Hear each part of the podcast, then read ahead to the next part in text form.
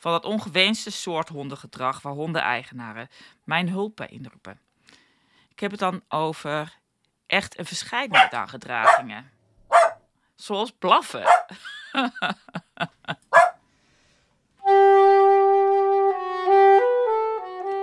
Welkom bij de podcast Honden met een Hobby.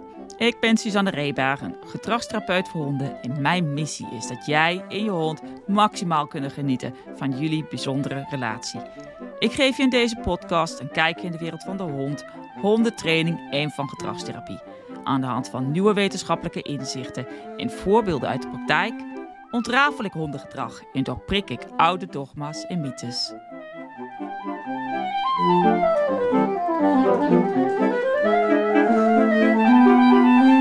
Nou, welkom weer bij de podcast Honden met Hobby. Nou, het is eventjes weer uh, stil geweest hier vanuit uh, mijn kant. Ik had het druk met allerlei projecten. En uh, nou ja, as we speak is mijn nieuwe website bezig om live te gaan. Dus dat is heel leuk. En wat dus super leuk is, is dat jij, als je dat wil en een vraag hebt, je dat nu kan inspreken via mijn website. Moet je eventjes naar de podcastgedeelte gaan en daar is een app, een widget, waar je gewoon op de juiste knop moet drukken en dan kan je je vraag inspreken en dan uh, kan je daar uh, misschien wel mee in een podcast-episode terechtkomen en dan beantwoord ik jouw vraag. Kan het natuurlijk ook gebruiken om een uh, leuk idee in te spreken of ehm, een antwoord op een van mijn vragen die ik misschien stel een keertje in de podcast. Nou, je bent van harte welkom. Nou, dan gaan we daar eens uh, weer aan de slag. Zullen we het maar gewoon een nieuw seizoen noemen? nou, dit is dan begin van season 2, episode 1. Dweilen. Ik weet niet hoe jij het ervaart, maar dweilen is nou niet echt mijn favoriete bezigheid. En hoewel er door de jaren heen allerlei handige en ingenieuze oplossingen zijn verzonnen om het gemakkelijker te maken, doe ik het toch niet graag. Laatst gebruikte ik deze uitdrukking dweilen met de kraan open en plop, daar kwam weer zo'n beeld in mijn hoofd van iemand die al zwoegend bezig is om de grond droog te proberen te dweilen, terwijl die kraan keihard open staat. Dan blijf je dus dweilen. Is niet handig. Zeker niet als je niet van dweilen houdt. Maar dit is wel wat ik dagelijks zie gebeuren. Nee, niet letterlijk, figuurlijk. Ik heb het dan over hondengedrag, uiteraard. Van dat ongewenste soort hondengedrag waar hondeneigenaren mijn hulp bij inroepen. Ik heb het dan over echt een verscheidenheid aan gedragingen. Zoals blaffen. hey, hi. Nou, het was alsof on cue. Dankjewel, Sproet. Take two. Ik heb het dan over echt een verscheidenheid aan gedragingen. Terwijl we aan gedragsverandering werken met de hond, is het namelijk belangrijk om het ongewenste gedrag niet te blijven uitoefenen. We moeten het niet blijven herhalen, want dan wordt het beter. Of dat is in ieder geval de gedachte en de intentie achter oefenen. Hoewel, dit gezegd hebbende, het slecht uitvoeren van dat gedrag zal het niet beter maken. Maar ik dwaal af. Wat ik maar wil zeggen, het gedrag wat je blijft oefenen, dat wordt hardnekkiger. Hoe vaker het herhaald wordt, hoe hardnekkiger.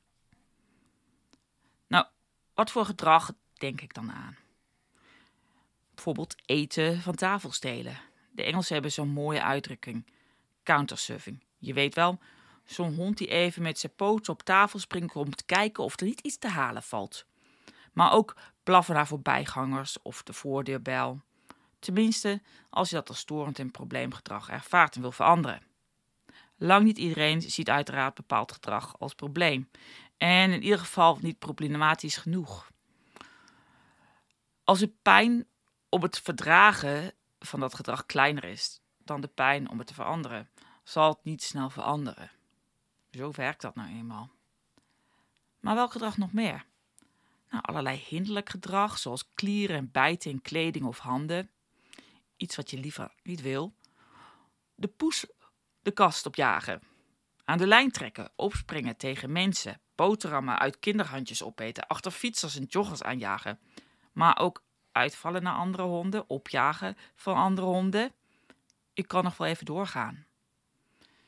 Je kan deze voorbeelden ruwweg twee categorieën verdelen. In één categorie gooien we het gedrag waar niet een uitgesproken emotie of andere motivatie achter zit. Het gedrag wat meestal een geschiedenis van herhaling heeft en wat oplevert. In de tweede categorie zijn meer de gedragingen die uitingen zijn van, zoals, van emoties, hè? zoals huilen en blaffen, als je niet alleen thuis kan zijn, omdat je angstig bent, of het trekken aan de lijn, omdat de omgeving zo ongelooflijk angstaanjagend is. Maar ook honden die zich vervelen en een rasspecifieke gedrag uiten, zoals bijvoorbeeld drijven, hoeden of bewaken. Dat wil zeggen gedrag wat door kunstmatige selectie van de mens uitvergroot is, zodat honden ons kunnen helpen. Maar ook gedrag die een uiting zijn van pijn, ongemak of een andere afwijking. Die tweede categorie, daar wil ik het de volgende keer over hebben. Sommige gedragingen kunnen in beide van die categorieën vallen. Trekken aan de lijn bijvoorbeeld. Je hond kan trekken aan de lijn omdat hij nou eenmaal sneller loopt dan jij, zijn mens, en hij ergens wil komen, en jij nog aan hem vastzit met de lijn. Maar je hond kan ook aan de lijn trekken omdat de omgeving zo beangstigend is. Je ziet, beide hebben een andere onderliggende motivatie, zoals wij gedragstherapeuten dat noemen. Het is dan ook erg belangrijk in het veranderen van het gedrag dat je weet welke motivaties er allemaal meespelen. Het kan natuurlijk ook dat er meerdere emoties meespelen in bepaald gedrag of meerdere motivaties. Goede gedragstherapeut kan je hier goed bij helpen en een plan maken om het op te lossen. Stel je gaat nu hè, in de eerste categorie werken aan wandelen zonder trekken. En als we weten dat het niets met angst te maken heeft, maar wel met het gedrag dat voorkomt uit dat Vicky sneller loopt dan jij en graag ergens wil komen, dan is het belangrijk om te zorgen dat het gedrag zich niet meer voordoet. Nee, dat betekent niet dat je je hond niet meer moet uitlaten. Nee. Maar wel voorkomen dat hij trekt. Dus elke keer wat je hond wel even trekt aan de lijn, omdat je bijvoorbeeld haast hebt en niet op het moment kan of wil oefenen aan het gewenste gedrag, maakt dat het trek aan de lijn dat dat geoefend wordt en het uiteindelijk hardnekkiger zal worden om af te leren. Onder de motorkap spelen er nog meer redenen waarom het gedrag juist zal toenemen in plaats van dat het afneemt. Vooral het feit dat het zo nu en dan toch baat om te trekken aan de lijn, maakt dat het gedrag moeilijker afgeleerd wordt. Ander voorbeeld. Je hond kan steeds met zijn poten op, op het aardig komen. In het ergste geval haalt hij ook nog dat biefstukje wat je net voor vanavond gepland hebt eraf. Gaat dat gedrag nou toenemen of afnemen? Je traint misschien ook al wel aan het gewenste gedrag. Het gedrag wat je graag voor je hond wil hebben als je bijvoorbeeld bezig bent met avondeten voorbereiden. Bijvoorbeeld, je leert hem op zijn plaats te blijven liggen. Maar als je nog in de opbouw bezig bent en je niet voorkomt dat het gewenste gedrag zich voordoet, dan is het dus letterlijk dweilen met de kraan open. Het is dan ook belangrijk een goed plan hiervoor te maken. Want als je denkt dat je de hond tussendoor wel even traint om op zijn plaats te blijven, dan kom je vaak op het droge uit. Zodra meer pannen letterlijk op het vuur staan en je van alles moet en geen aandacht meer hebt voor je hond, kan het trainen van gewenst gedrag zomaar falen en oefent je hond het ongewenste. Met in dit geval een super beloning als motivatie om in de toekomst dit gedrag nog vaker te gaan uitvoeren. Maar wat moet je dan doen? Wij hebben het als beroepsgroep vaak over managementmaatregelen. Ik geef nog een voorbeeld. Tijdens een training die ik gaf, vroeg een van de cursisten aan mij, uh, hij had een uh. En uh, die elke keer met van alles er vandoor ging. Het was een jong gezin. En je ziet het misschien wel voor je de afstandsbeziening, de sokken, de bril. Alles ging mee vandoor. En ja, wat was mijn antwoord daarop? Opruimen. Was natuurlijk wel een beetje flauw van mij. Beetje gemeen misschien. Maar hij kon het wel hebben, maar het bevat wel een beetje de kern van dit verhaal. Vaak worden jonge honden een beetje aan hun lot overgelaten. Ze leren niet wat gewenst koumateriaal is voor hen. Zeker een pup of jonge hond. Die heeft daar wel, ja, die ontdekt gewoon de wereld met zijn bek. Het is gewoon natuurlijk gedrag. En als hij dan ook nog jouw bril of de afstandsbediening of iets anders wat voor jou waardevol is te pakken krijgt, nou dan wordt dat het leuk spelletje. Jij achter hem aanrennen en elke keer als je net mispakt en hij weer er vandoor gaat en je uitdaagt, nou misschien wordt het aan het einde ook nog wel een leuk worstelspelletje. Nou, je raadt het al. Wat wordt het de volgende keer? Juist. Hij gaat het dus vaker doen. Het werkt, werkt eigenlijk het helemaal hetzelfde als bij ons. En dan bedoel ik dus bij ons levende wezens. Mensen, hond, kat, hagedis, maakt niet uit wat. Overal wel werkt het eigenlijk hetzelfde. Stel je wilt afvallen en je haalt allemaal gezond eten in huis. Je gaat sporten, je gaat meal preppen op weekenden, zodat je voorbereid de week ingaat, dat je allemaal gezond eten gereed hebt staan en je niet weer de frietent induikt na een lange dag, moe van het werk. Na al dat meal preppen plof je op de bank, zet je Netflix aan en je vriend komt thuis. Scheurt een zak chips open. En jij, ja, je was toch al zo goed bezig. Je bent een beetje moe na al dat meal preppen. En alles in je omgeving schreeuwt eigenlijk: nu is het tijd voor Netflix in chips. Dit is wat je altijd deed. Zie je de parallellen? Je bent aan het oefenen met het nieuwe gewensgedrag, maar je omgeving heb je niet gemanaged. Daar heb je geen plan voor. Je was niet de fout in gegaan, als er namelijk geen chips in huis was. Ja, of je vriend in huis was. Zo ver wil ik niet gaan.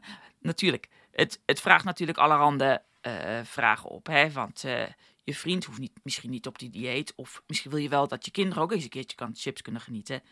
Maar wat ik eigenlijk maar hiermee wil illustreren. Dat ja, als die chips er niet was, dan had je het ook niet gepakt.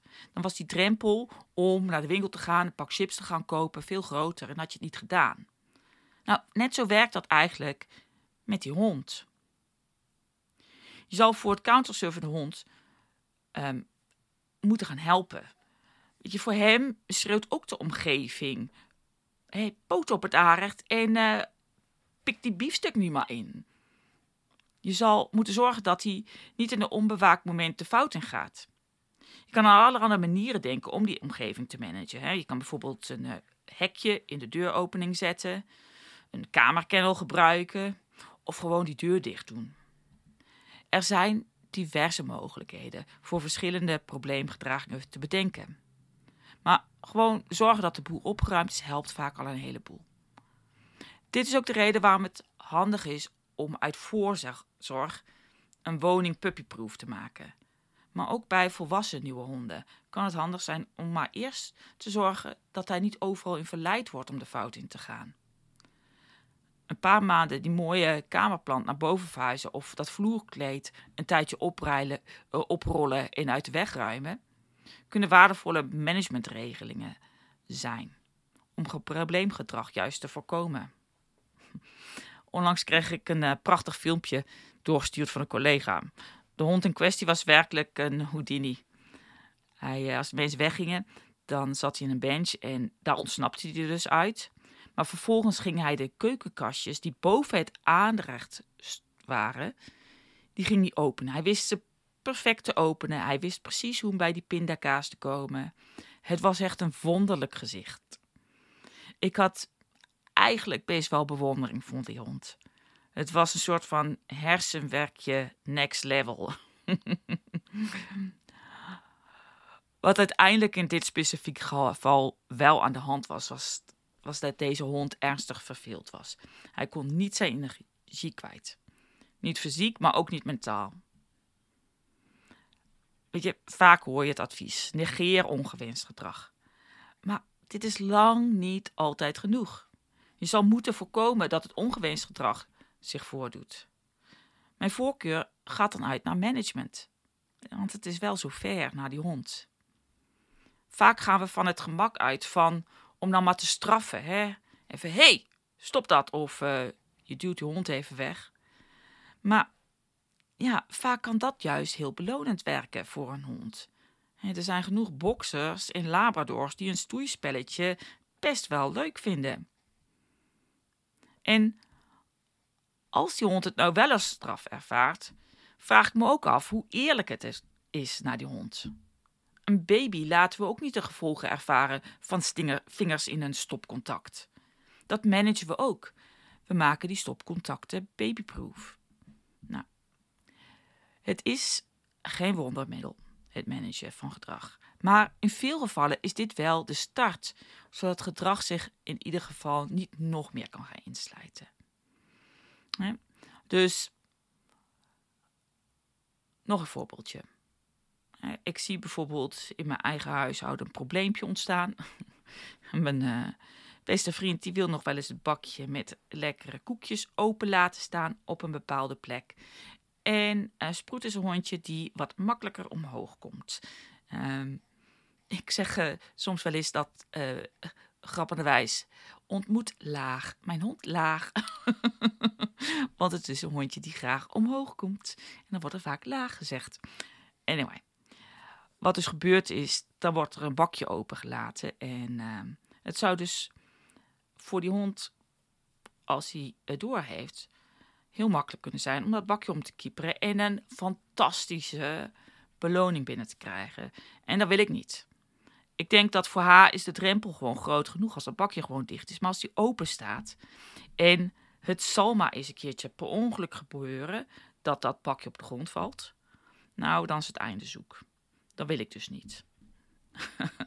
nu heb ik wel een, uh, ja, uh, mijn beste vriend die uh, vindt dat wel een beetje lastig te onthouden. Dus ehm, wat ik dan doe is, ik haal ze nu in dat bakje even weg als hij dit weer open heeft gelaten. Zodat zodra hij weer koekjes wil pakken, hij op zoek moet gaan daarna. Want ik heb het dan weer eventjes verstopt. ik weet, gemeen. Dus uh, ja, ja, hoe manage, dat, manage, dat, manage ik dat bij mijn vriend? Uh, nou, ik uh, ben benieuwd met wat voor oplossingen jullie komen. Uh, laat me weten als je iets leuks hebt bedacht. Nou, volgende keer dan denk ik wil ik het eens gaan hebben over, het, over die andere. Andere categorie. Als er een, bijvoorbeeld een uh, flinke emotie onderliggend is aan bepaald gedrag, wat moet je dan doen? Super leuk dat je geluisterd hebt vandaag. Dankjewel voor je aandacht. Maar voordat je verder gaat, nog even het volgende. Vond je dit een interessante aflevering en wil je op de hoogte blijven van alle nieuwe afleveringen? Subscribe, abonneer of volg me dan door de subscribe, abonneer of volg knopje aan te klikken in je podcast app. Vind je deze podcast waardevol en wil je me helpen in mijn missie? Zeg het dan voort door bijvoorbeeld een screenshot te maken en door te sturen of op je social media pagina te delen. Vergeet me dan niet ook even te taggen. Op Facebook ben ik het beste te vinden. Daarnaast kan je deze podcast meer onder de aandacht brengen door te abonneren en me een 5 sterretjes review te geven in je favoriete podcast app of op iTunes. Heb je anders vragen die je graag besproken wilt hebben of een opmerking naar aanleiding van de aflevering? Laat het me weten op podcast@hondenmetalhobby.nl. Ik lees ze allemaal. Wie weet hoor jij jouw opmerking of vraag terug in een uitzending. Dan als laatste, maar heel belangrijk. Kom je er niet uit met je hond? Heb je problemen? Blijf dan niet langer aanmodderen in je eentje en stuur me dan een e-mail naar waf.honden.nl. Rest me te zeggen, geniet van je hond en jullie unieke relatie. En maak er een mooie dag van voor jou en je hond. Doei!